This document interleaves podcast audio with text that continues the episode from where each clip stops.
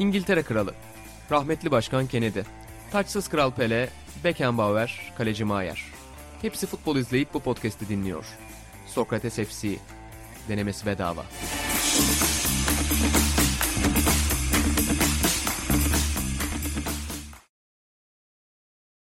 Bey takımının sunduğu Sokrates FC'den herkese merhabalar. Niye gülüyorsun? Ben İnan Özdemir, İlan Özgen ve Atan Altınordu ile birlikte yine bir bölümümüze hoş geldiniz. Beğenmedim bu gülüşü valla. Yok şundan aklıma geldi. Az önce ofise girerken baba kapıda sizi gördüm. Nasılsınız dedim. Kulağımda da kulaklık var. Yani istiyorum ki kısa bir konuşma olsun ve odaya gidelim. Atan beni çok yaralayan bir cümle söyledi. Kısa konuşmaktan ayrı, kulaklığımdan ayrı önemsediğim için söylüyorum bu cümleyi. Hayatta her şey üstüme geliyor dedi. Bütün dünya bana karşı gibi hissediyorum dedi. Hayatta her şey üst üste geliyor dedi. Yanlış mı hatırlıyorum? Yani cümlelerim bunlar değildi ama Yakın anlamı cümleler. çıkabilir evet. Nasılsın o yüzden Atan? Orada seni tutmadım bu arada. Sadece çok yorgun olduğumu, İtham çok etmedin. yoğun olduğumu İtham söyledim. duygularım Sen var. bana so- soru sorup öyle orada kalınca da çantayla falan gayet abi boş ver tutmayayım seni. Konuşuruz dedim. El salladım. Bu kadar hiç öyle seni Dertli misin peki? Problemin var mı? Abi çok çok çok yorgunum, çok yoğunum. Dükkan beni öldürüyor inan. Öldürüyor yani. Hep kriz, kriz, kriz, kriz, kriz. Yani şükür işimiz gücümüz hani yolunda öyle bir şey değil de çok zor işler ya. İlana dedim ki yarın öbür gün şu lokanta işi bitse ya gelirim şurada üç, üç günde şey olurum. Ne Futbol olursun? tarihi uzmanı olurum. İlan Özgen kalmaz. O kadar artık bu, bu işler bana kolay geliyor ki anlatamam. Baba üç gün müdür? He? Futbol tarihi. Atağın için olabilir evet. Yani olmaması lazım. Üç günde bitiririm. Temelin varsa baba üç günde yaparsın. Aynen. şey olur ya hızlı öğrenme kursları. Mega hafızayla. Ya Bir şimdi- rakibi var hafızası. Tek rakibi. Artık çok kolay geliyor diyorsun spor medyası. Yani Zaten WhatsApp grubunda da gördük bunu. Tabii. YouTube Tabii. kanalımızın ne kadar kötü yönetildiğini anladım ben. Böyle bir cevher varken elimizde Onur Erdem Eurobasket'te bir yayını bile çıkarmadan. Neden kullanılmıyor? Zaten Türk basketbolunun röntgen, MR, fotokopi hepsini çekti. yani ya iyi ki bu gruptayım dedim. İyi ki bu podcast'teyim dedim. baba ben zaten hep şunu merak ederdim. Yani biz neden bu değerleri kullanamıyoruz? Aynen. Her alanda olduğu gibi. Sokrates'te de aynısı var. Türk futbol, Türk basketbol nasıl elindeki değerleri kullanamıyorsa biz de Atan Altın Ordu'yu kullanamıyoruz. Kesinlikle. Yani Nasıl, şey nasıl var. beni şey yapıyor?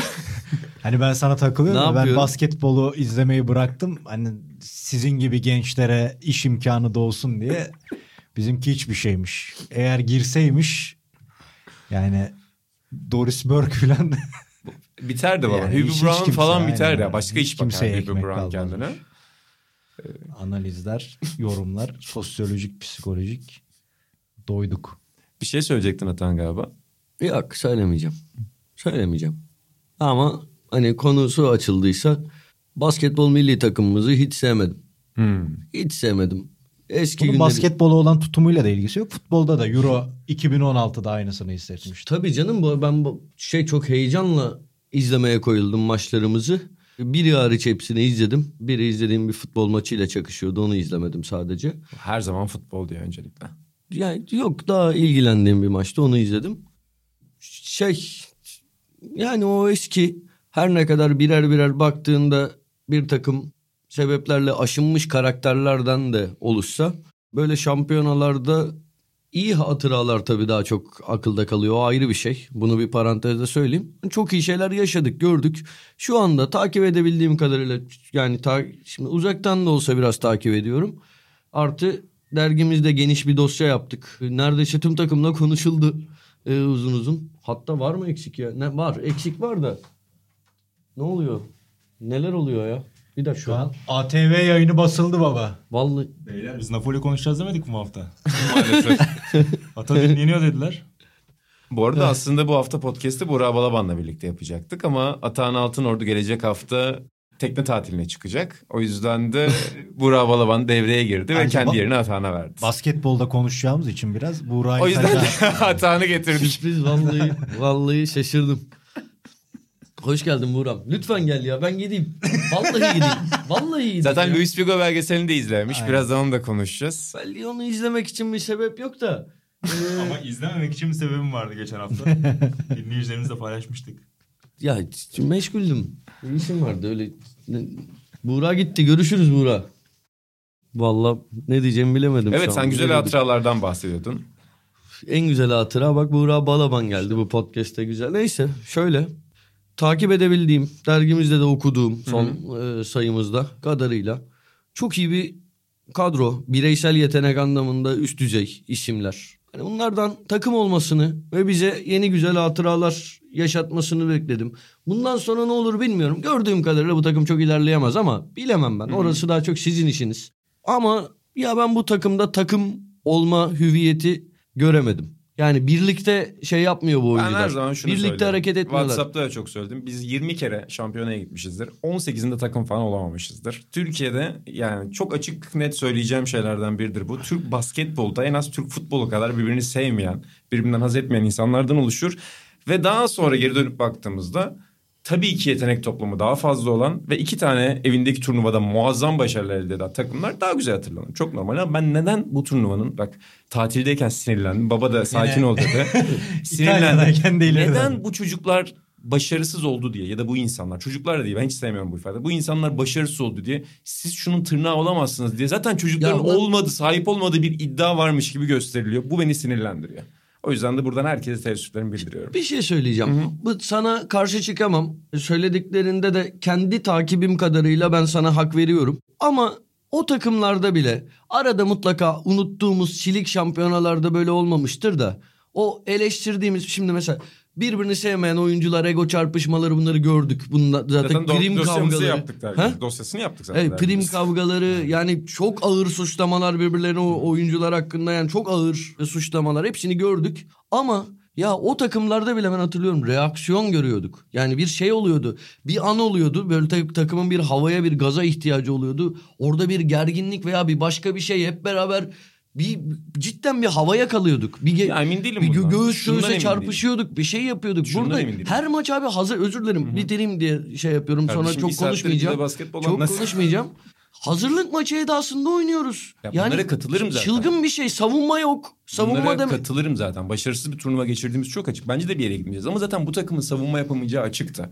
Bunlar bence Türk sporunda reaksiyon, ruh, enerji gibi gösterilen şeylerin çok basit teknik açıklamaları var. Bu takımın da savunma yapabilecek bir malzemesi yoktu. Savunma da yapamıyor. İlhan Baba'yla da konuştuğumuz şey 90'larda Türkiye daha iyi bir futbol takımına sahipti. 90'larda Türkiye daha iyi bir basketbol ekolüne sahipti.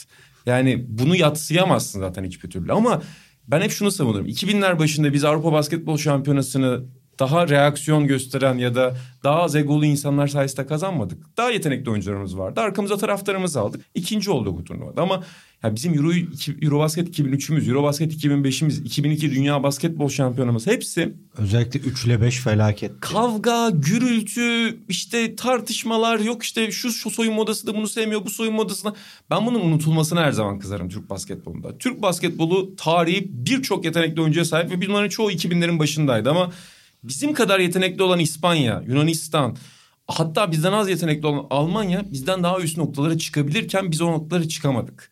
Yani bu beni bunların unutulması ve sadece Türkiye'de şu basketbol takımı potansiyelini gösteremiyormuş gibi davranılması sinirlendi. Tamam onu, bunlara hiçbir itirazım yok. Benim eleştirilerim böyle Zaten değildi. bence- Zaten bunları WhatsApp'ta da birbirimizle konuştuk. Buna aykırı bir şey söylemek istemiyorum ama seninle konuşmasaydık belki söylerdim. Bende de aynı unutkanlık yok değildi vardı. Bence Atan anlar dediği şey de o yetenek pırıltı, yetenek parlamalarıydı zaten. Abi yani. değil, Hani şimdi bu takım da yeteneksiz değil ama ya. Mirsat Türkcan'ın Avrupa basketbolundaki yeriyle ya da hani Mehmet Tabii. Okur'un Hidayet Türkoğlu gibi çok garip yani Avrupa'da nadir bir yetenek vardı o zaman elimizde. O, o kuşak hakikaten bireysel yetenek olarak onları çıkarabilecek her bire ikişer dakika sunsa bir şey zaten ortaya garip bir gösteri çıkabiliyordu yani. Baba düşünsene Avrupa basketbol tarihinin en büyük rebound alan uzunlarından birine sahipsin Mirsat Türkcan'la. Hidayet Türkoğlu Avrupa basketbolunda zamanından önce gelmiş bir oyuncu. Tepeden oyun kuran 2 metrenin üzerinde bugün basketbolun gittiği yeri daha önceden gösteren ve sonra takımını lider olarak NBA finaline götüren biri.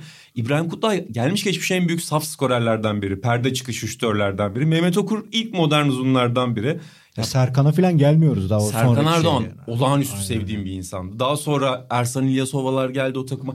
Ya o takımda Kaya Peker'in sahip olduğu rol bile çok önemliydi. Zaten bu jenerasyonları birbirle çarpıştırmak da mantıksız. Ben onu savunuyorum her zaman. Bence dediğim gibi reaksiyon dediğin şey çok önemli ama reaksiyon dediğin şeyde o perdeyi çıkarıp o perdeden çıkıp o şutu atabilmek var yani. Biraz da bunlar sanki hafifleniyor. Bunlar bazen küçümseniyor gibi hissediyorum ve aslında birbiriyle karşılaştırılmaması gereken insanlar sanki bir düşmanmış gibi yapılıyor. Bu da Türk basketbolunun bence çok kaliteli ve birbirini sever gibi görünüp aslında futboldan farkında olmamasıyla alakalı. Onlar da birbirlerini sevmiyorlar işte. Ya de peki çok mu uçurum var? Yani şimdi Yetenek bugün olarak evet çok mu uçurum var? Ben her hafta görüyorum. Şimdi açıp NBA izlemiyorum ben ama Alperen Şengün şöyle yaptı. Abi işte Alperen bu- Şengün muhteşem bir turnuva Tamam, getiriyor hayır, zaten. tamam. 20 yaşında bir Tamam, uzundan bahsediyoruz. Tamam hayır ya. ben Alperen'e bir, bir lafım yok. Ben sana bu arada yani soruyorum. Bilmediğim için soruyorum. O kadar yetenek farkı var mı? Ciddi bir uçurum var mı o takımla arada? Alperen- Sadece Alperen'den bahsetmiyorum. Tabii Yani ki abi. Furkan Korkmaz bilmem ya sürekli çok, çok konuşuluyor. uzatmayayım ama Furkan Korkmaz NBA'de, Cedi de NBA'de. Evet. Bunlar NBA'de kendi takımları için tamamlayıcı oyuncular. Sürükleyici oyuncular değildi. Hidayet sürükleyici Mehmet. bir oyuncuydu. Mehmet sürükleyici bir oyuncuydu. Dönem dönem kendi performans takımlarında verdiği performansta. Alperen 20 yaşında bir uzun ve ne olursa olsun gelişmeye daha açık çaylak sezonu kapatmış bir uzun. Yani bunlarda o yüzden sakin olmak Hem lazım. yabancı sınırı varken Euroleague şampiyonunun Bodiroga ile birlikte taş Tabii. finalin adamıydı yani. yani Mirsat yıllarca şeyi yani Avrupa'da rebound rekorlarını kırdı. Saçma Yani bir şey Bu, bu takım da yani. kesinlikle yeteneksizdi. Bu takımın sorunu malzemeden ötürü savunma yapamıyor ama dediğim gibi doğru tartışılmadığını hissettiğim için sinirleniyorum. Ya bir de ben de o potansiyel vardı mı varmadı mı özellikle çok basketbol izlediğim dönem olduğu için sana katılıyorum ama biz 2001'e Türkiye'ye tırnak içinde yakışmayan bir şekilde bence o takımı çok iyi akıllara kazıdık. Başarının da Evet, bunda payı var ama aynen. o 12 dev adam şarkısı bile Müthiş yani. hakikaten müthiş. muazzam işti yani. Müthiş. Muhteşem. Yani Türkiye spor tarihinin en büyük sloganlarından biri. Belki de en Hakikaten büyüğü çok olabilir. başarılı bir O reklam, aşamaydı o şarkı aynen. hala bile onu hissediyorsun yani.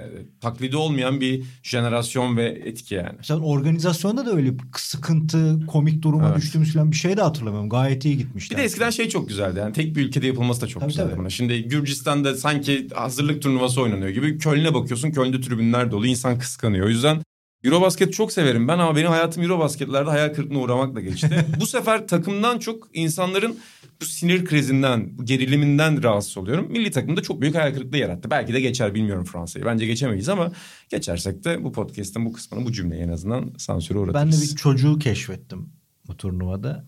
Luka. Luka Doncic. Aynen. Kaç kişi görebildi bilmiyorum ama Nasıl oyuncu baba? çok başarılı, önü açık. Yani herhangi bir NBA takımına tavsiye ederim burada. Umarım- NBA'de oynuyor zaten. Öyle mi? Hı hı, Teşekkür ederim. NBA'de oynuyor. Teşekkür ederim. Ve baba Luka'nın da yok içinde şey açık. özelliği çok belli. Ya. Halı sahaya çağırsan orayı da domine ederler. Yani heriflerin futbol falan oynadığı çok açık yani. Çok iyi sporcular ya. Acayip yani acayip. Ya üstelik bu mekanik adam döneminde bu hantal vücutla bunları yapmaları da ayrı hoşuma gidiyor. Tamamen kural dışı ikisinin de fiziği. Zaten şu an yani insanlar bir yandan da ne kadar şanslı bir turnuva geçirdiklerini unutuyorlar. Yani Sokrates ne olduk şimdi FC olmadık. Virtus Sokrates. Virtus Sokrates bölümü. Böyle yazabiliriz Virtus Sokrates bölümü. Ama bizim zaten bir sponsorumuz var. B takımı.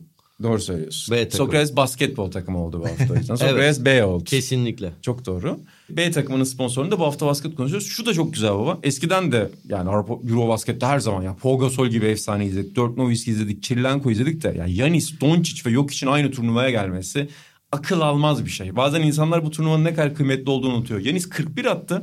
Ertesi gün Doncic gitti 47 attı ve yani Jokic de bugün 50 atabilir yani. Ve bunu da çok rahat yapabilirler. Çok ayrıcalıklı bir turnuva. Yayınlarınızda konuşmuşsunuzdur da herhangi bir olarak, olmayarak gelmesi falan dedin. Ömer Faruk Yurtseven'in gelmemesi hakkında bir fikrin, düşüncen var mı? Gelmemesi ayıp veya tab- tabii ki hani çocuk için önemli orada Çok kontrat bulmak abi. istiyor ben, falan ben gibi. insanların kararlarına ya eskiden bu işte Mehmet üzerinden de çok tartışılıyor. Yugoslavya'da mı yapmıştı Mehmet onu? Belgrad'da Mirs, mı Mirsat? Mirsat da galiba. Mirsat başka sebeplerden milli takım dışında bırakıldı ama ben e, bu konuya çok şey yapmıyorum. Yani bu çünkü NBA'de oyuncuların kendilerini göstermek istemelerini ya da başka roller istemelerini anlayabiliyorum. Ona o yüzden bir şey diyemem. Ama gelse tabii çok ihtiyacımız vardı. İspanya'yı yenebilirdik gelse. Çok ucunu bir olurdu da geçiyormuş. işte kişisel karar olarak görüyorum ben. Ben de öyle diyorum. Şeyleri falan gördüğümde bu işte vatan görevidir bilmem ne falan muhabbetlerine Öyle çok bakmıyorum. sıcak bakmıyorum. Öyle bakmıyorum. Yani ben de basketbolcu olsam oynamak isterdim. Ama bir yandan da çok ağır bir görev bu. Çünkü çok büyük sorumluluk var ve hakikaten çok sert tepki de alabiliyorsun. Deyip buradan bana başka bir şey Favori Euron ne onu söyle bana. İzlediğim favori. Aynen. 2001 baba. Öyle mi 2001'in ötesine geçemem. Yani hiçbir şekilde his olarak da geçemem. Ben de sünnet olmuştum Eurobasket 2001'de. Geç sünnet oldum. 10 yaşındaydım. Ben de. E, O yüzden şimdi mahallede de utandım ben. Bu anıyı da çok anlatmak istemem burada ama anlattım. Ben çocukken herkese sünnet olduğumu söylemiştim. Belki daha önce podcast'te söylemişimdir bunu. 2001'de gerçekten sünnet olunca, resmi sünnetim olunca arkadaşlar beni görmesin diye o şapka önümde koşarak merdivenleri çıkıp eve doğru gelmiştim. Arkadaşlarım sorunca da hani bir eksik kalmış. Şimdi bu ifadelerine dikkat etmeye çalışıyorum. Eksiği hallettiler gibi. Hani fa- fazlalık fazla hallettiler gibi bir yalan söylemiştim. Sonra bunu bahane ettim. 20 gün koltukta yattım. Meyve, çay, yemek servisleri eşliğinde Eurobasket 2001'i izledim. Hayatımda Unutulmaz. bundan daha keyifli. Yani 2010 da öyle çünkü yani gerçekten çıldırırdım yani. Çıldırıyordum tribünde. 2010 yarı finalini izlemek hayatımdaki en büyük deneyimdi Türk milli takımı. Ama 2001 baba ya. 2001 yani. Geliyor İbrahim oradan. Kutluay'dan daha unutulmaz bir şampiyona geçirmişler. Ha, Geliyor oradan sorduğuna göre kendi şeyi başka diyeceksin 1941. Aynen, odur özel çünkü oradaydık hata. Baba oradaydık. Aynen çünkü okulu kırıp hatanla İnönü'deki o şampiyonaya birlikte gitmiştik. Anılar Ah yani. nerede o spor sergi günleri. Ah, ah. O zaman 2001 acayipti ama. yani. baba inanılmaz bir şey. Mı? Bir de, Ya ya benim İbrahim Kutluay fanlığım ayrıydı yani. Acayip severdim. Onunla coştuğu turnuvalardandı yani. Baba ben de e, biliyorsun çok büyük federasyon başkanımızın hayranıydım. Siyasete girmeden önce. Yani benim çocukken açık ara en sevdiğim sporcuydu kendi stili olarak. Yani 2001'in ötesine geçebilecek çok az sportif hatıra var. Az önce böyle sanki olumsuz Şeyde- şeyde- konuşmuşum. şey de var 99'da ama çok ya. severdim. O takımı da Aa. çok severdim Türkiye'nin. Bir de İtalya'nın o Tanyevic'te garip alan savunmalı fuçkalı Menegin vardı sonra benim saf adamımdı. Ama 2001 çok garip bir şeydi ya. Çok yani. garip yani. Öyle Çok bir garip. mesela 2002 Dünya Kupası bende öyle bir şey yok. Yok mesela. o da bende öyle de. Ben de mesela o- 2001'de orada öyle bir yerde. 2001 çok acayipti. Bir de çok basketbol izlediğim, sevdiğim, oynadığım bir dönemde. Bir şey Belki de onun etkisi var. Şey de oralarda değil mi? Ben de oralarda. Euro Koraç 2008 Kupası. mi? Koraç Kupası. Tabii Efes'in. canım. Ya o da Öyle. inanılmaz Ama sen bir takım. Orada. Ya şey Sen bir oradaydın. yana. O, orada değildim ama yani hala takımdaki oyuncuların görevleri falan zihnimde yani çok yaşayarak, hissederek izlediğim Mesela Tofaş'ın Koraç'ı da öyleydi. O dönem onlar çok Evet. büyük bir gaz oluyordu niye? Kesinlikle ya. Ya Ama Süreyya işte- Ayan da öyle mesela. Tabii canım. Yani bunlar yani dönem dönem çok etkili cidden. Yani televizyonun internet öncesi, internetin başı, televizyonun tam zirve dönemi. Mesela o Koraç'ta Fener'le Efes çeyrek oynamıştı galiba. Acayip bir zevkti yani. iki Türk takım Koraç kupasında orada. Garip bir tutku oluyordu. Bu arada böyle bazı olaylar var ya tarihte böyle bir gün bir, bir şey oluyor ve hep akılda kalıyor. İşte atıyorum Uğur Mumcu'nun öldürüldüğü gün. Ya iyi veya kötü bazı şeyler. Be- Örneklendirmeye devam etmeyeyim alakasız bir yere, bir yere gitmesin. Ben gerçekten o Tofaş takımına da çok aşıktım. Yani o David Rivers'la Rashad Griffith'in ikili oyunları, aleyupları, seyir zevki açısından muhteşemdi. Şampiyon olup bir gün iki gün sonra biz bu şubeyi takımı kapatıyoruz. Haberi hiç unutmuyorum yani. O haberi habere rastladığımda ne yaptığımı hatırlıyorum yani. Bir sabah böyle bir şey gördüm ve şaşkınlığa ve üzüntüye gark oldum. O Efes'in de gizli kahraman Namoski'dir. Busquets diyeceksin sen. Busquets değil miydi baba? yani sahada izleyen görür anca Namoski'ydi çok. Ama bahsettiğiniz dönem çok yapar. güzeldi gerçekten. Şey anlamda çok güzeldi. Yani böyle o eski günler falan muhabbet olarak söylemiyorum. Luis Figo'ya da birazdan bağlayacağım. Sınırında bir şeyi tam yani bir, çok tüketiyorduk sporu yine ama tam sınırında tükettiğin dönem. Bir de tabii siz benden daha büyüksünüz ama tam böyle yetişme döneminde o hatıraların gelmesi çok acayip bir şeydi yani. Çok acayipti yani. 2001'i izliyorsun sonra 2002'yi izliyorsun. Bir, iki sene önce ondan Galatasaray UEFA kupasını almış. Yani insan geri dönüp bakınca ne kadar şanslı bir yükseliş döneminde olduğunu unutamıyor bazen. Yani çok çok acayip bir şey. İşte bence biraz da bazı şeylerin gizli kalmasının da şey var. Mesela o jenerasyon arasındaki kavga yıllarca basketbol severler arasında bir şehir efsanesi gibi anlatıldı. Ama şu an öyle bir şey olsa pat pat pat Twitter'da her şey patlar. Her şey bambaşka bir hale sokar onları.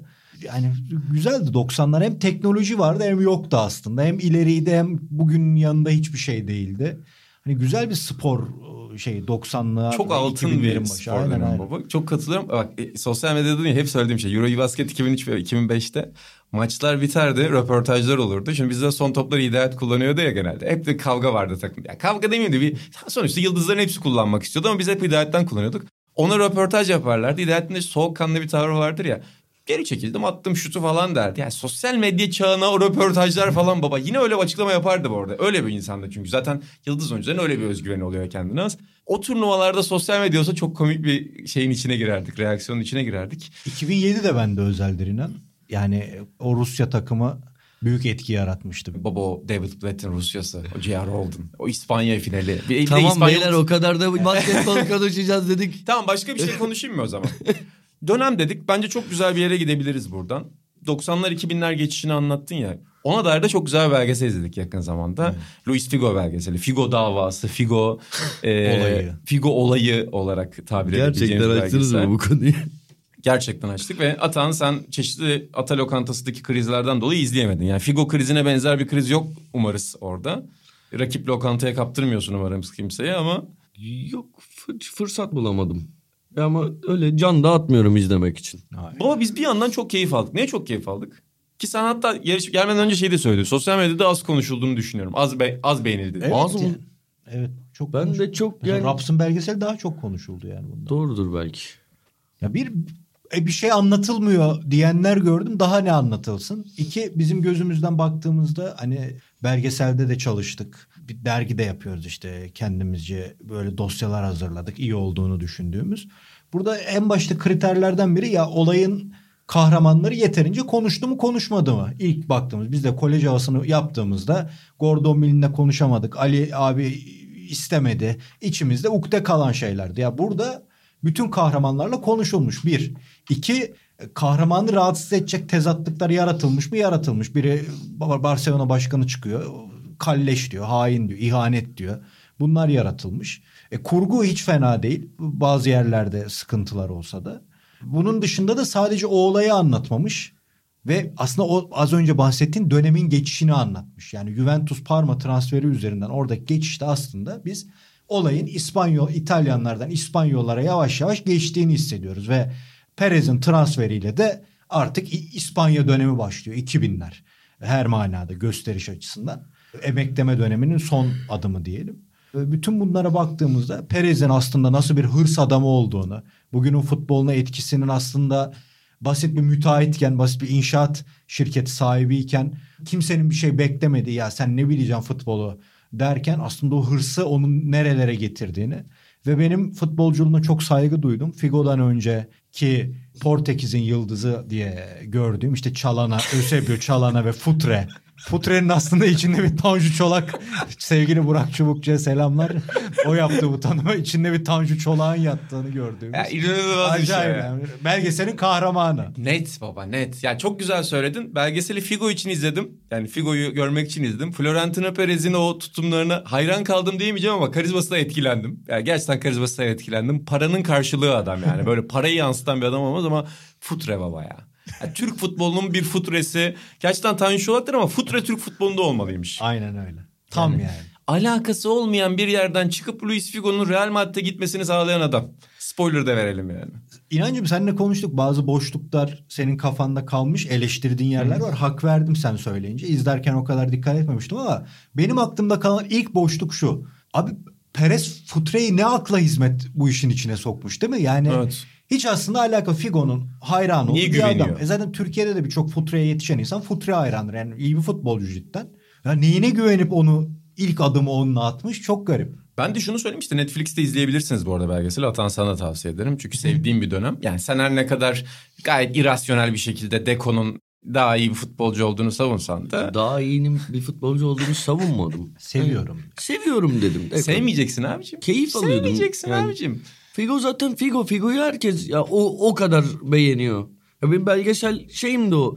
Zaten vaktim kısıtlı. İki saatimi buna ayıracağım. izleyeceğim.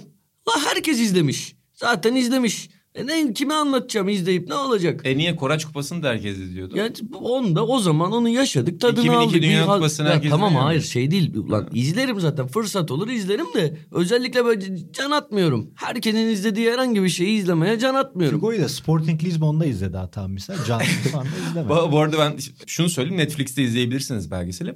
Beğendiğim nokta şu yani bir kere detaylı da konuşuyoruz. Baldano ile konuşuyorsun. Pep Guardiola ile konuşuyorsun. Florentino Perez var. Futre var.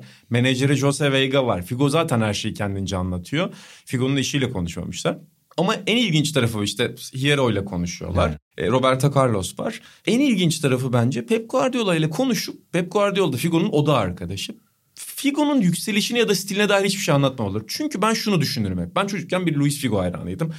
Tam Barcelona'da izlediğimi düşünmüyorum. Bence ben Barcelona'da Luis Figo'yu hatırlamıyorum. Hatırladığımı düşünsem bile hatırlamıyorum. Ben Real Madrid'li Figo olarak hep hatırladım. Ama gazetelerde o işte domuz kafası atıldı, Figo protesto edildi haberlerinin yayınlandığını da hatırlıyorum. Fakat şu var yani uzun yıllar bunu düşündüm. Şimdi ben hep orta saha oyuncularını çok sevdim. Az önce Hidayet'te de bahsedilen şey. Ben tepeden oyun kurmaya bayılırım. Yani ben hep ortadaki oyuncu olmayı çok önemserim. Futbolda da hep ben ortadaki oyuncuları çok sevdim. Fakat Figo bir kanattı. Onu sana sordum baba. Yani neden Figo beni çocukken bu kadar etkilemiş olabilir? Çünkü adam hızlı değil. Yani dünyanın en iyi topa vuran oyuncusu değil. Beckham gibi bir ortası da yok Figo'nun. Çekip hem sağıyla hem soluyla vurabiliyor. Driplingi var ama yavaş bir driplingi var. Biraz Luka Doncic gibi geçiyor rakiplerine. Fakat niye Figo beni çok etkilemişti diye izlerken düşündüm ve şey dinlemek isterdim. Ya Pep Guardiola'dan bir Luis Figo, teknik olarak bir Luis Figo'yu dinlemek isterdim. Evet evet. Yani özellikle hani bahsettiğin gibi forvet özellikleri de olması, onun o tarz kanat oyuncularını kullanmayı sevmesi, belki daha iyi bir gö- yani çok daha iyi bir gözden bunu uzun uzun anlatabiliriz tabii. Ya mesela Luis Figo'yu şu anda ortada kullanabilirdi Pep Guardiola. Kendi takımında değil mi? Evet evet. Yani o az önce bahsettin ya şeyi United'a attığı gol misal Ne acayip bir gol ya. acayip ya. Ne acayip. Yani İngiltere golü çok ünlüdür. Zaten yani o Euro'yu izleyen herkes o İngiltere golünü unutmaz ama Manchester United'da attığı gol de çok acayip. Fakat baba o geçişi anlatma şeyi çok güzel gerçekten de. Yani Barcelona kimliği ve Real Madrid kimliğini herhalde o Valdano'nun sözü çok güzel ortaya koyuyor. Ya Valdano dedik ya o geçişlerde muazzam ara başlıklar vermiş. Harika konular açmış. Yani bildiğin röportaj editörlerinin zihnini açmış baba orada. vermiş onunla ilk konuşmuşlar. Biz yaparız ya sözlü tarihte en çok bildiğini düşündüğümüz adamla gider konuşur bir altyapıyı kurarız önce. Tabağın altını doldururuz. Hakikaten herhalde ilk Valdano ile falan konuşulmuş olabilir. Belki yani Figo'dan sonra muazzam şeyler vermiş araya. Muazzam zihin açıcı fikirler atmış ortaya. Ve çok basit Real şeyler- Madrid'in kazanma psikolojisini misal herhangi bir kültürel herhangi Net. bir sosyolojik herhangi bir siyasal altyapısı olmadığı gibi Barcelona gibi olmadığı için tamamen kazanmak üzerine kurduğunu anlatıyor ve bunu Real Madrid'de top oynamış, Real Madrid'de yönetimde kalmış bir insan olarak söylüyor yani. O karşılaştırmalardaki objektifliği falan çok güzeldi. Gerçekten çok güzel. Son olarak da onu söyleyecektim. Yani çok basit şeyler gibi geliyor insanlara bence bu ama şeyin altını çizmek çok önemli. Yani kulüplerin bazı kulüplerin bir şahsiyeti var. Barcelona'nın kimliğini aldığı yeri hepimiz biliyoruz. Sosyokültürel, ekonomik bir kimliği var. Bir ulus kimliği var. Real Madrid'in öyle bir kimliği yok. Real Madrid'in kimliği kazanmak. Biz burada kazanıyoruz da. Ganar diyorlar sürekli. Carlos da bunu söylüyor, o da bunu söylüyor. Valdano bunu çok güzel koymuş ve Luis Figo'da bunu görüyorsun. Yani sanki öbür kimliğin aidiyetini hissedecek bir oyuncuyken yeni dönemi başlatan oyuncu oluyor. Bir dönemi kapıyor, bir dönemi açıyor. Futbol tarihinde herhalde Los Galacticos ve sonrasında bugünkü futbol düzeninin ilk büyük sansasyon transferi. Kesinlikle. Ve yani baba o paparazzi şey de çok acayip ya. Her gün manşet, her gün manşet. İnsanlar bazen unutuyorlar herhalde o dönemdeki Evet, evet. etkisini. Acayip bir şey. Bir de şey söyle şunun adını.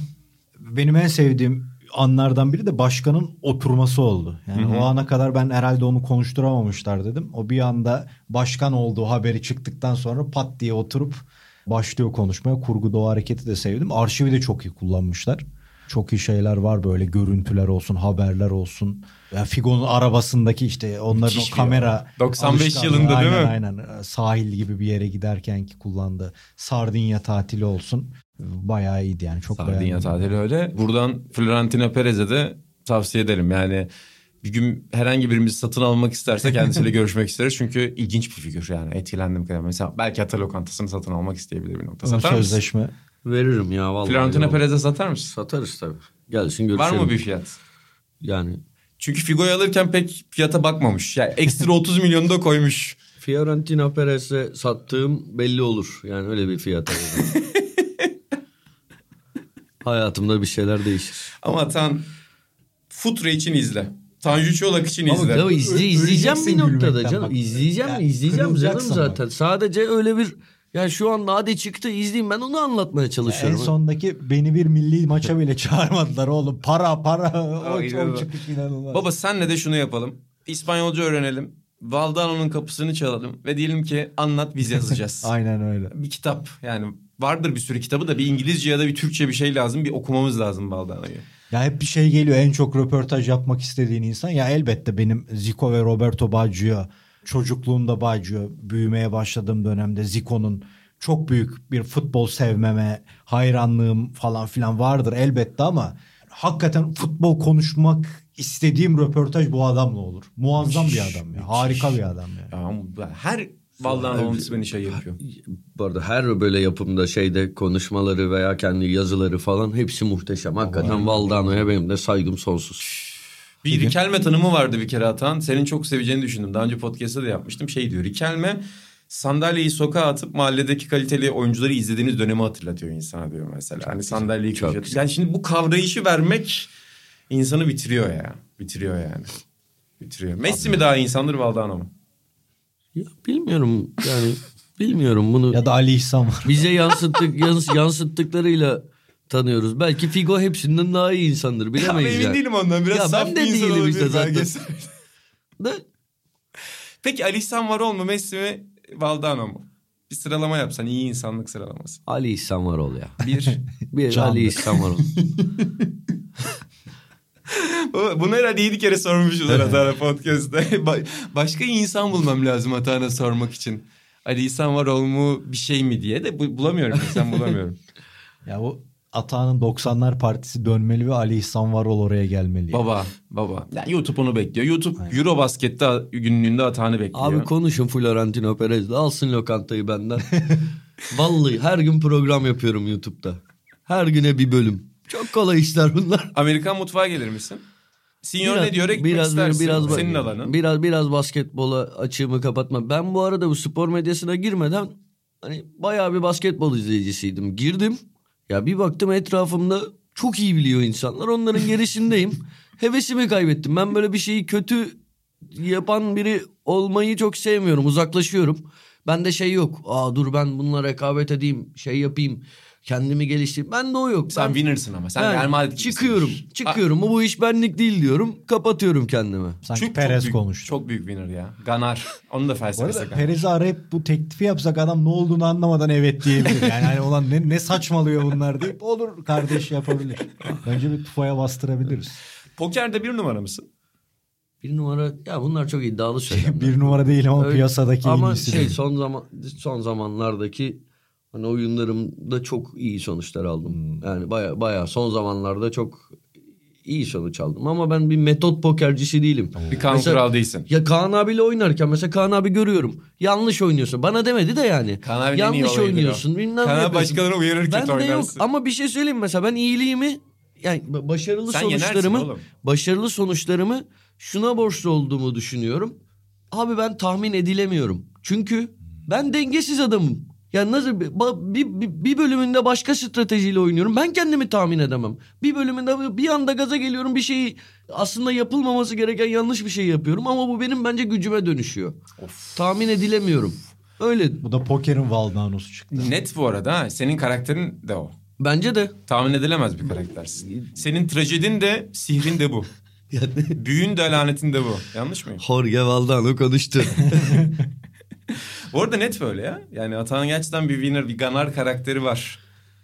Hexball'da da öyledir. Hex, Hex, baba Hex, ya Hexball tarihinin en çirkin oyuncularından biri. Aynen öyle. Bak şimdi diyecek ki ben öyle değilim diyecek. Asla katılmıyorum. Asla. Ben öyle değilim asla, diyecek. Asla katılmıyorum.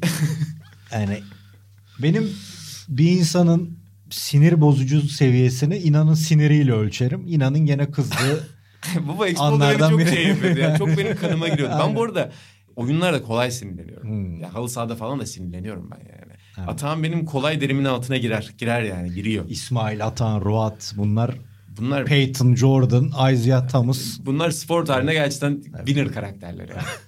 Gerçekten. winner ve trash talkçu işte. Sever trash talk'u da. ya onlar tadı çıksın diye şakadan yapılmış şeyler. Ben öyle o gerçekten oyunları yaşarım. Yaşarım. Yaşıyorsun. Ama o şey tadı çıksın diye yapılan şakalar. O trash talk'lar falan. O zaman Figo'yu o dev haberle kapatalım ya. Figo'yu dev haberle kapatalım baba. Türk futbol tarihinin en önemli haberlerinden birini tekrar analım buradan. Selim Soy'dan Deportivo Barcelona maçını izlemek için bugün İspanya'ya gidiyor. Bu maçta Barcelona'nın Portekizli golcüsü Figo'yu izleyecek olan Soy'dan salı ve çarşamba günleri de iki ayrı karşılaşmada transfer listesinde yer alan oyuncuları yakın takip alacak. Acaba kim vardı? Soy'dan daha önce isteyip beğendiği Çek santrfor Lokvenç için 21 Mart salı günü Praga geçecek. Sparta Prag Barcelona maçı da bu futbolcuyu bir kez daha görecek olan Soy'dan bir gün sonraki Olimpik Marsilya Feyenoord maçında Feyenoord'da Ricardo Cruz'u yakın takip alacak. Yani Onlar o normal adamlarken Figo'da kim niye coştu ki o ilginç. Sonra şöyle bir haber var. Fikri takip yapan çünkü Sokrates FC gazetecilik öğretir. Avrupa'da futbolcu arayışlarını sürdüren Fenerbahçe Futbol Şube Sorumlusu Selim Soy'dan Barcelona'nın Portekizli kaptanı ki kaptan olmamış olabilir. Barcelona'nın Portekizli kaptanı Luis Figo'yu pahalı buldu. Portekizli dünyayı istedi. Avrupa'da futbolcu arayışlarını sürdüren Selim Soy'dan Barcelona'nın Portekizli kaptanı tekrar etmişler bunu. Futbolcu izlemeyi izlemek için önceki gün İspanya'ya giden Soy'dan Figo ile görüştü. Menajer Bayram Tutumlu'nun da bulunduğu görüşmede Figo Fenerbahçe yöneticiden 4 yıllığına 15 milyon dolar istedi. İyi para. Bonservisiyle birlikte 25 milyon doları bulan maliyet üzerine Selim Soy'dan Figo'dan vazgeçerek değişik arayışlara yöneldi. Netflix bu belgeselde Selim Soydan'ı koysa o araya.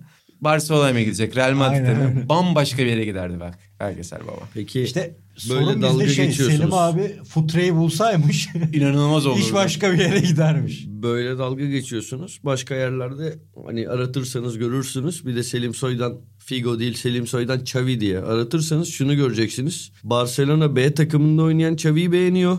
O güzel şey Fenerbahçe'ye tabii. öneriyor. Aynen. O gidişinde sanırım. Fenerbahçe'ye öneriyor.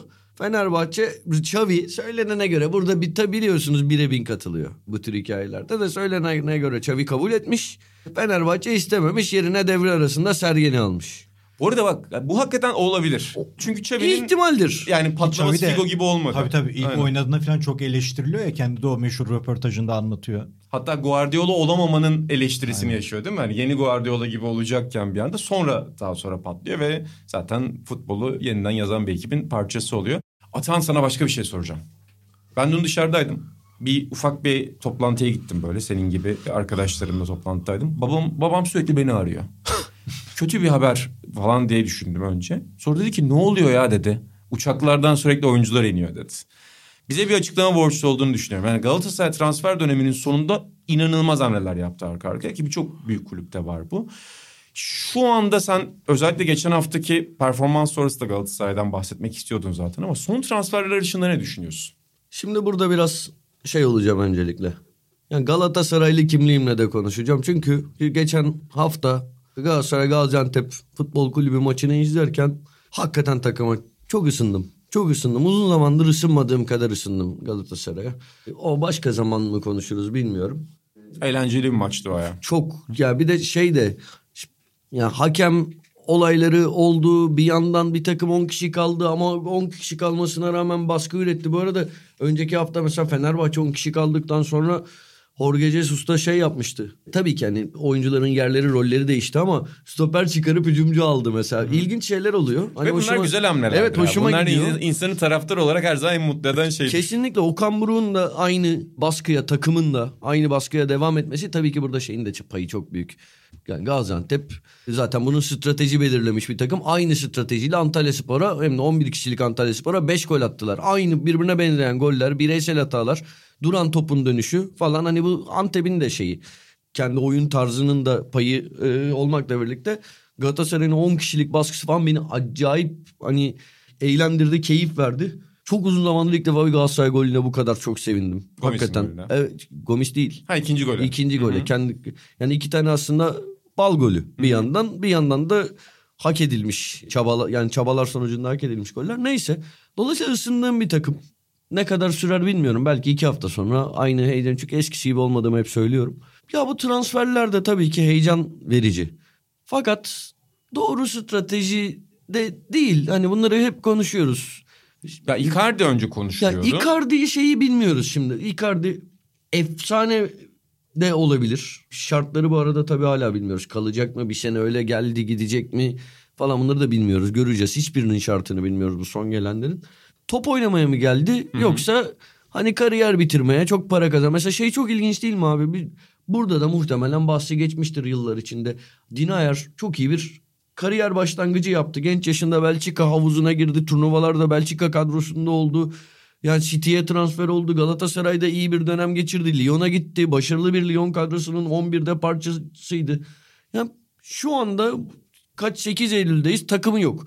Yüksek ücret veren şeye gidiyor falan yani arıyor. Bulamadı yani bu adam kariyerini bitiriyor. Şimdi Icardi de böyle mi geldi anladın mı? Türkiye'de ne futbolcular izliyor? Al işte Mesut Özil hakkında olumsuz bir şey söylemeye bütün Türkiye korkuyordu. Öyle bir baskıyla şeyle geldi. Çok futbol kariyeri bitmiş bir adam olarak geldi buraya. De Hiçbir şeydi. öyle oldu. E, Piya- Pjanic mesela bilmiyorum. Pjanic futbol kariyeri bitmiş olarak gelmedi. Evet ama Ben sonra fark ettik yüksek ki bir- evet. bitmiş. Evet. Şimdi Icardi o seviyede bitmiş değil. Mesela Pjanic de değildi. Hani neye geldi bilmiyoruz. Mata ben Mata'yı geçen sezon görmedim. Bayağı da izledim aslında Manchester United. Dikkatimden kaçmıştır bir şeydir ama az oynadı. Bu arada bazı oyuncularda şey var bence. Ya bazen karakter alıyorsun. Mesela iki sene üç sene önce Galatasaray Barcelona'dan ayrıldıktan sonra veya Fenerbahçe Beşiktaş Dani Alves'i alsa Dani Alves bir karakter. Hani sevilen bir figür. Çevresi geniş. Bazen takıma futbol oynamak dışı ama futbol biraz oynayacak. O ayrı bir şey. Futbol oynayacak. Futbol oynamanın dışında vereceği etkiler. Mesela Marcelo gelebilirdi anladın mı? Marcelo'nun o kadar çok gördüğü geçirdiği şey var ki çevresine sadece futbolla değil başka şekillerde de katkıda bulunabilir. Kulübe bulunabilir. Kulübün prestijine, kulüp marka değerine katkıda bulunabilir. Olympiakos aldı ve bence çok iyi bir transfer yaptı. Mata da böyle iyi bir figür, bir karakter. Top oynamaya niyeti varsa iyi izler bırakabilir ama bence yani bugün baktığımda transfer stratejisi olarak doğru bulmuyorum. Biz burada hatırlıyor musunuz şey konuşuyorduk. Falcao benim de en beğendiğim, hayatım boyunca en sevdiğim forvetlerden bir Evet, tanesi aşırı oldu. seversin. Ya diyordum istemiyorum Galatasaray'a gelsin. Bu adamları istemem. Ben istiyordum ki yani öyle sol beke böyle genç bir oyuncu gelsin. Sol kanada genç bir oyuncu gelsin. Yani çünkü alındı. Büyük isimler alındı. Torreira geldi. Hani Oliveira Mertens geldi. geldi. Evet Mertens geldi. Mertens mesela o da yaşı ileri ama müthiş bir karakter o da ve O ge- senin az Çok- önce bahsettiğin karakter e, bu arada. evet. Yani etkisini görüyorsun. Ve zaten. muhteşem oynuyor. Muhteşem bir de sahipleniyor. Mesela son şeyde ben şeyde beğendim. Oliveira'nın da Oliveira bu tür bir süperstar değil ama Oliveira'nın da sahiplenişini gördüm. O gerginlikte bir şekilde onu Acayip bir şanssızlığı var. Şöyle direğe topluyor. Evet gerçekten çok ilginç bu arada. Hamit Altın topu E, haklı. gibi Çok abi, inanılmaz. Vuruyor adam vuruyor direğe. Hepsi izliyor, O izliyor böyle bir şey hatırlamıyor musun sen? Lan vuruyor vuruyor direğe gidiyor. Sürekli. Dö- Dört haftada altı topu direkten döndü. Frikikleri özellikle direkt direğe gidiyor yani. Tribünü orada gaza getiriyor. Bir şey yapıyor. Orada ne bileyim rakip oyuncuya gidiyor. Bir arkadaşı bir olayın içindeyken o olayın içine giriyor. Böyle sahipleniyor. Böyle şeyler hoşuma gider. Belki Mata da böyle olur. Bilmiyorum ama hani isterdim ki Mesela atıyorum Norveçli bir çocuğun adı. Hayatımda izlemediğim bir oyuncudan bahsediyorum yani. Norveçli işte şey asıllı. Tam ülkesini bilmiyorum. Yani Orta Doğu ülkelerinden biri asıllı. Norveçli bir çocuk. Osame bilmem ne. Sahraoui mi bir şeydi. Ben yani ben öyle denemelere artık girilmesi taraftarıydım. Yine de tabii ki çok ilginç isimler. Yusuf Demir tabii Rapid Wien'de izlemedik hiç. O biraz İşte- daha farklı evet, bir transfer. Evet değil mi? farklı bir transfer. Artı şeyi gördüm işte baktım Avusturya'da kızıyorlar yönetime bu çocuğu nasıl bıraktınız diye. İyi bir şey ama bir yandan da Barcelona kiralık kontratını feshedip gönderdi. Hani bir görmek lazım ama tabii ki büyük bir yetenek. Ya Matias Rosjensen geldi. İşte Evet. onun yanında o bir de yabancı sayılmıyor. e, Milo Rashica geldi. Ya inanılmaz arka arkaya. Aşika'yı yani ben o kadar şey değilim. Hakim değilim ama onu arkadaşlarım övüyor. Bilmiyorum onu bir iyi transfer olduğu yönünde duyumlarım var. Ben çok az gördüm. Dikkat ettiğim bir oyuncu değildi. Burada senin bu arada sözünü keseceğim. Icardi konusunu babaya soracağım. Ne düşünüyorsun baba? Hayırlı olsun. Camiaya hayırlı olsun diyorsun. Çünkü en çok burada beklenti üzerinde olan isim o. Ama garip bir şey. Yani bu isimlerden de bağımsız olarak. Şimdi Galatasaray bu hamleleri yaptıktan sonra şöyle bir haber çıktı. Arkası gelmedi. Ya biz şu anda Fenerbahçe Dinamo Kiev maçının oynandığı gün programa kaydediyoruz. Belki yeni bir gelişme olur ama bir anda yabancı sınırın kalkacağı haberi de geldi baba. Herhalde bizim yıllardır podcast'ta sürekli konuştuğumuz bir şey bu da. Yani planlama yapıyorsun. ikinci hafta başka bir kural çıkıyor. Altıncı hafta başka bir kural Ha, çıkıyor. bu şey de olabilir. Transfer sezonu bitene kadar Türk oyuncu piyasasını yüksekte tutalım. Hmm. Ya bu da olabilir. Bir dedikodu da mı olabilir diyorsun? Hani bir söylenti yapıp Hayır. yok. Yok. değiştirilmenin beklenmesi mi? Evet olabilir. Yani olabilir. Türkiye bunlar ya. Şey Türkiye. Böyle iş olur mu peki? Ya olmamalı canım olmamalı. Yani yıllardır yani burada mesela yıllardır hep Önder Özen anlatır. Bir planlama yaptık diye hatırlıyorsun değil mi? Aynen, bizi- Beşiktaş'tayken. E bizim dergiye de anlatmışlar. Planlama yaptık yabancı sınırına göre sonra kaldırıldı. Ama şu an yani artık iş iyice bu suyu çıktığı için artık kulüpler belki buna göre plan yapmıyor. Oradan biriyle konuşuyor federasyon. Bu zaten kalkacak diyor. Boş ver diyor. Biz bunlara gidelim. Ama mesela adama federasyondan şey de diyebilirler kulüp yöneticilerine. Kaldıracağız kaldıracağız di- diyebilirler. Sonra kaldırmayabilirler. Garip bir düzensizlik. Ben burada bu arada yani dün Galatasaray taraftarda havalimanına gitti. Son yıllarda iyice artan bir havalimanı karşılama şeyi var. Her kulüpte daha fazlasını Çok yapmak kötü. Çok kötü. Yani orada Galatasaray şey gelmiş. Ultraslan atkıları takılıyor. Ultra yani Aynı fikirdeyim. Burada bunu da geçtim. Yani Galatasaray'ı temsil etmesi gereken oradaki kişi yani Sab- Sabahattin Şirin mi olmalı? Buna katılıyorum bu söylediğin şey. Bundan da ayrı olarak şu var. Yani taraftarın heyecanlanmasını da tabii ki anlarım ama bir gün önce abi Ali Koç şey dedi. Sezon sonuna kadar bu kulüpler gitmeyecek. Gitmez dedi böyle. Bu çok garip değil mi? Aynen Yani bence. 24 saat içinde Ali Koç şu ekonomik düzenle bu kulüpler sezon sonunu göremez dedikten sonra Galatasaray bir sürü transfer yaptı. Fenerbahçe ile Beşiktaş bugün Tayyip Talha. Kendisine futbolcu olarak bir şeyimiz yok da haberlerde adı geçince gülüyoruz. Ee, Tayyip'le Tayyip'le görüşmeler devam ediyor. Hangi kulübe gideceği konusunda. E şimdi abi Fenerbahçe Batshuayi'yi aldı. Onların da forvet almak istiyorlardı. Beşiktaş şimdi başka isimlerle görüşüyor. Ne oldu abi bir yerden para mı bulundu? Ya şimdi şöyle valla bu podcast'te bile ben defalarca şey düşüncemi söyledim. İşte dün Ali Koç'un söylediğine benzer şeyleri söyledim. Artık deniz bitti dedim. Bankalar Birliği anlaşmasıyla birlikte iyice artık kulüplerin eli kolu bağlandı. Biz yavaş yavaş Romanya Ligi olacağız dedim. Bir yandan yanlış konuşuyorum ha. Burası Türkiye. İlk 5 dakikada gerçekten her şey değişiyor. Bak Bankalar Birliği anlaşması şu anda uygulanmıyor. Bir yerden artık yani muhtemelen bu arada kulüp bilmiyorum bildiğim bir şey değil iddia etmiyorum. Tahmin ediyorum kulüplere örtülü ödenekten para aktarılıyordur bir şeydir. Yani bunun arkasında bir sürü şey vardır. Yani bu ha, bu arada tarih boyunca böyle olmuştur belki. Bu seneden falan bahsetmiyorum. Şey falan demiyorum yani seçim var insanlar futbolla oyalansın falan böyle böyle şeyler söylemiyorum. Ya bu arada bu da olabilir bilmiyorum da tarih boyunca buna benzer şeyler olmuştur.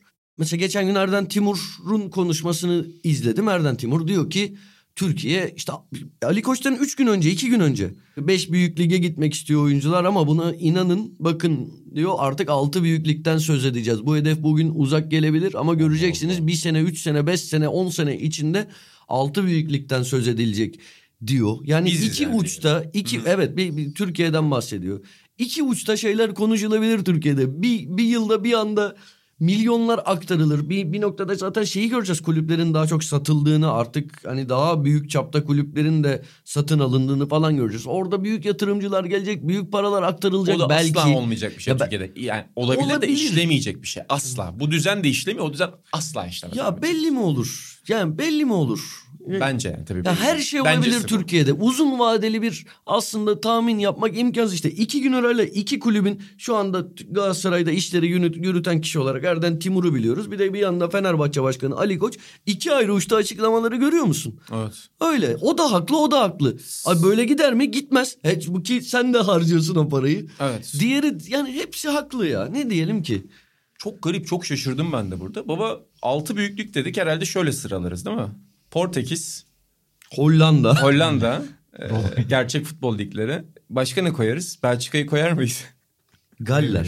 Belçika'yı, İskoçya ligini koyarız. Esas futbol İskoçya'da değil mi? Aynen. Ben geçen İtalya'dayken bir Celtic Rangers maçı vardı baba. Ha. Tam Manchester United, e, pardon Liverpool maçıyla aynı anda. Ben de bir pub buldum. Dedim ki şey Liverpool maçını izleyeyim. Adama diyorum ki Liverpool maçını izleyeceğim. Onun sesi kısık dedi. Niye sesi kısık diyorum. Celtic Rangers maçı varmış. Ya. Dedim ki helal olsun haklısınız. Celtic Rangers maçı İskoçya futbolu varsa İskoçya futbolu izlenir. Fakat maç 3-0 oldu. Yine bizim maçın sesi açılmadı. e, ona da bir şey diyemem artık. Yani orada İskoçlar haklı olarak dominasyonunu kurmuşlardı. İtalyanlar dün Liverpool'u önemsemediğini sahada da gösterdi Of. zaten sana.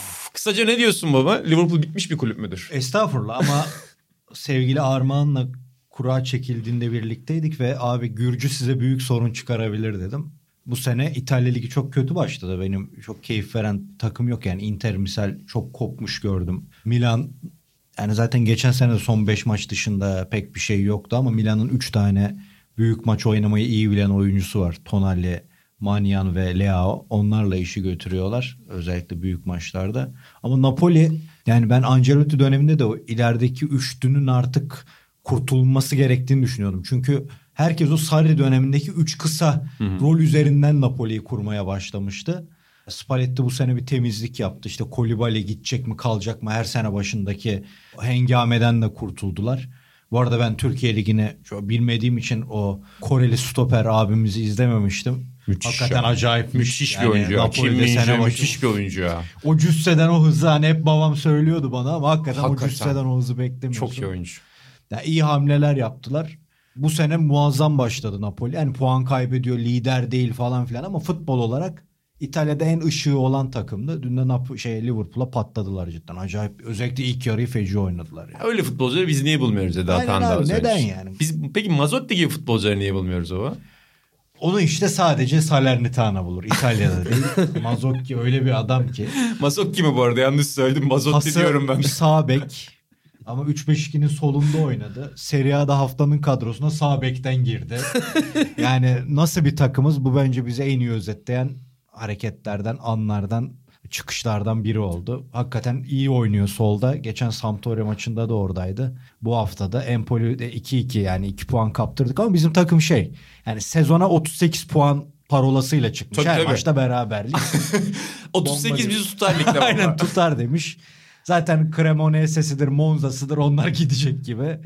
Ee, Sampdoria da hiç iyi değil. Ben Monza'yı gördüğüm an Sampdoria, Sampdoria düşmez. Manzo, Monza'yı gördüğüm an. Monza'yı Sampdoria gördüğüm an yani gülmekten ölüyorum ben. Aynen. Bir şey soracağım kapatırken baba söyleyeceğim. Atağanlık bir şey yaşadım dönüşü şu anda. Onu sizle pay- İtalya Ligi'ne dair bir şey paylaşmak isterim. Şimdi ben oradayken Roma'dayken Roma 4-0 yenildi ya Udinese'ye. Uçakta önümde bir adam uçak 2 saat rötar yaptı. Yanında da İtalyan böyle karizmatik bir, beyefendi var böyle takım elbiseli. Onunla sohbet etmek istiyor anladığım kadarıyla. Dedi ki kimi destekliyorsun İngilizce? Adam da Roma'yı destekliyorum dedi. Fakat adamın futbolla alakası yok belli. Udinese sizi yendi dedi 4-0. Adam hiçbir şey söylemiyor. Evet dedi. İşte kötü oynadınız dedi yani 4-0 yenildiniz dedi. Adam hiçbir şey demedi. Bir iki saniye geçti. Öyküyle takip ediyoruz diyor. Şöyle bir şimdi cümle söyledi. What do you think about the war between China and US? Adam dedi ki which war dedi. Ticaret savaşından bahsetmeye çalışıyor. Which is the biggest power do you think dedi. Adam dedi ki hani China ve US hani şimdi Roma Udinese çünkü tartışılıyordu. Ve böyle bir sohbet başladı abi. Yani. Al sana anı. Eto'nun böyle sol kanatta oynadığı maç var ya unutulmaz Şampiyonlar Ligi maçı. Onu dışarıda bir yerde izliyoruz. Beyoğlu'nun yine hala biraz Beyoğlu olduğu zamanlar e, bir bardayız. Bir yerde de bir kadın oturuyor tek başına. Maça bakıyor yani. Bir adam geldi kadına yanaştı. İyi böyle yanaşma cümlesi. Maç sever misiniz? Unutmuyorum bu cümleyi. Maç sever misiniz? Çok iyi cümle. Bir şey daha iyi. söyleyeyim mi? Söyle. Küçük bir şey. İşte dedim ya tatile gideceğim. Bunu böyle bu paniğimi İlhan özellikle görsün isterdim. Böyle küçük bavulum var. Küçük değil daha doğrusu. Kabin boy değil. Daha büyük. Ama öyle en büyüklerden de değil. Onu arıyorum. Bulamıyorum evde. Yani nereye gidebilir ki abi bavul? Bulam yani bavul dışarı çıktığında dolu oluyor. İçindeki şeylerle oluyor. Hiç kaybetsem İçeride yok mu? kaybetsem içindeki şeylerden hani haberim olur bunları kaybettim diye. Boş o zaman o zaman da evde dışarı çıkarmam. Abi bulamıyorum Sencer'i aradım abi diyorum sende olabilir mi yok diyor sen aldın. Ya arabanın bagajına baksana diyorum orada mı dükkanda mı bıraktık. Ciddi bir paniğim var Ba- bavul yapacağım yani zamanım da yok hafta içi yapmaya yarın akşam çıkacağım. Abi gidiyorum geliyorum yok. En son abi şeyden çıktı bavul. Bavulu bir büyük boy bavul daha var. O bavulun içine koymuşum. Bavulun içinden bavul çıktı. Böyle bu bir anda zihnimde bu aydınlanmayı yaşadım. Ulan ben bunu bunun içine mi koyayım bittim orada mı diye böyle videosunu çekerek geldim. Hatta sizinle o videoyu paylaşırım. Çok Çok iyi ya. öyle. Ama senin zihnin de öyledir zaten. Bavul içinde bavul. Bavul Farklı bir seviş. şey. Bu Çok çok farklı bir zihindir. Bak, çok teşekkür evet. ediyorum o zaman size. Ben Uzun de bir ufak teşekkür edeyim. B Bir kere sana öncelikle iki güzel kitap Gianni Brera'nın armağan etmişsin. Çok mutlu oldum. Bir diğeri sevgili Burak Çubukçu'ya. O da İtalya'ya gitmişti. O da bana Bruno Conti'nin yeni çıkan Her otobiyografisini yerde baba. getirdi. Her yerde gördüm onu biliyor Aynen, musun? Çok teşekkür ederim. Okumaya da başladım. 90 sayfa bitti. Hakikaten konuşuruz bir ara. Teşekkür varsa ben de bir özür dilemek istiyorum. Kimden? İlhan Özgen'den. Niye? Ee, Yaptığın her şey için. Yok. Kalleşlik mi yaptın? İlhan'a hep diyordum ki ya kardeşim şu çaya şeker atma kaç yaşında adamsın. Ve Bırak- bıraktım ben. Bu baskıyla evet, bıraktım. ben de bıraktım. Ben de bıraktım yani şu yıllar önce yani ama hep kendimi şeye Çok, çok acayip bir konu açıyorsun ama. Çok uzun bir konu. ya özürümü dileyeceğim geçeceğim. Tamam. Geçenlerde Sencer de hep söylerdi bu arada yine bu odada bizimle olan. Abi derdi hani çayı zaten şekerin tadını almak için içmiyor muyuz derdi. Bırakmak lazım da geçen gün böyle ulan dedim bir şekerli içeyim ne olacak? Abi daha güzel ya net olarak. Net olarak daha, Daha iyi güzel. bir Adam- harman. Kesinlikle çok iyi bir harman. Yani damakta tadı o lezzeti çok iyi kalıyor. İnsanlığın dostudur yani çay. Böyle çok güzel. Ben Sen de şekersiz dilemek içmeye istiyorsun. devam edeceğim. Ama İnan Özgen'e zorla şekeri bıraktırdığım için özür diliyorum. Hani hiç kendimi Daha falan kandırmasın insanlar. Çayın, Çayın tadını asıl öyle. tadı bilmem ne falan filan. Çayın tadı. Net şekerle şekerli çay daha güzel ama tabii sağlığa zararlı. Güzel olan birçok şeyi çok fazla yapmadığımız için. Ya canım rahmetli babamın babaannesi gibi 9 kaşık da atma, atmıyorsun. Abi ama ben günde 24 bardak falan çay içiyorum. Ha. Sen yine de şeker koyma. O yüzden. o şey baba. Sorun orada. 24 ne lan? Ya atıyor gün boyu çay içiyorum ben. Bu arada ben de Hafta içi. ben de bir özür Hafta dileyeyim. sonunda gün boyu kahve içiyorum. Ben de bir özür dileyeyim. Programın çok süresini aştık. Ee, Sencer'den ve Gökhan'dan ben de bir özür dileyeyim. Ama geçen hafta zaten kısa program yapmışsınız. Çok teşekkür ederim. benim Orada. Buğra'yla biraz gergin konular açtık. o yüzden. E, silindi. Ben yokken galiba sansüre takırım. Sansür değil, kendimizi Dream Team'in sansürledik. idman maçı gibi. Sadece burada olanlar gördüm. Baba, inan- Sencer'den biraz duydum. O kaset yıllar sonra sunulacak kesilmemiş şekilde. Söylediklerimin arkasındayım ama yayınlanmamalıydı. Yayınlanmadı zaten. evet. Sokrates B takımı olarak bugün buradaydık. Sokrates basketbol takımı olarak Ben buradaydık. her gün B takımı olarak buradayım. Sokakta da B takımı atağınım artık. Peki bir itirafta daha bulunabilir miyim? Kızmazsanız. Çok ufak bir itirafta daha. İki hafta önce biz Zlatan İbrahimovic muhabbeti yapmıştık ya. Evet. Sen bana onu söylemiştin. Zoka'yı yutmuşum ben. Çocuk beni kandırmış. Çocuk Zlatan İbrahimovic'e benzeyen bir çocuk değilmiş. Ya. Bir tane internetten fotoğrafla beni kandırmış. Saflığımın kurbanı oldum. Sizi de alet ettim. Ben de buradan itirafta bulunuyorum ve özür diliyorum. Küçükken dayak yediğin için bu kadar. Bunu nasıl keşfettin? Çocuk yazdı bana. Abi çok özür dilerim ama sana şaka yapmıştım ben dedi. Ondan sonra ben de bu zokayı yutmuş bir insan olarak podcast'ın sonunda belirtiyorum. Yani futbolcu benzeriyseniz fotoğraflarınızı artık bize yollamayın. İnşallah uçakta önümdeki adamdım ben diye kimse bana yazmaz bu podcast'ın sonunda. Ya da inşallah önümüzdeki adam Sokrates FC dinlemiyordur. B takımının Teşekkürleri, özürleri birbirine harmanladık.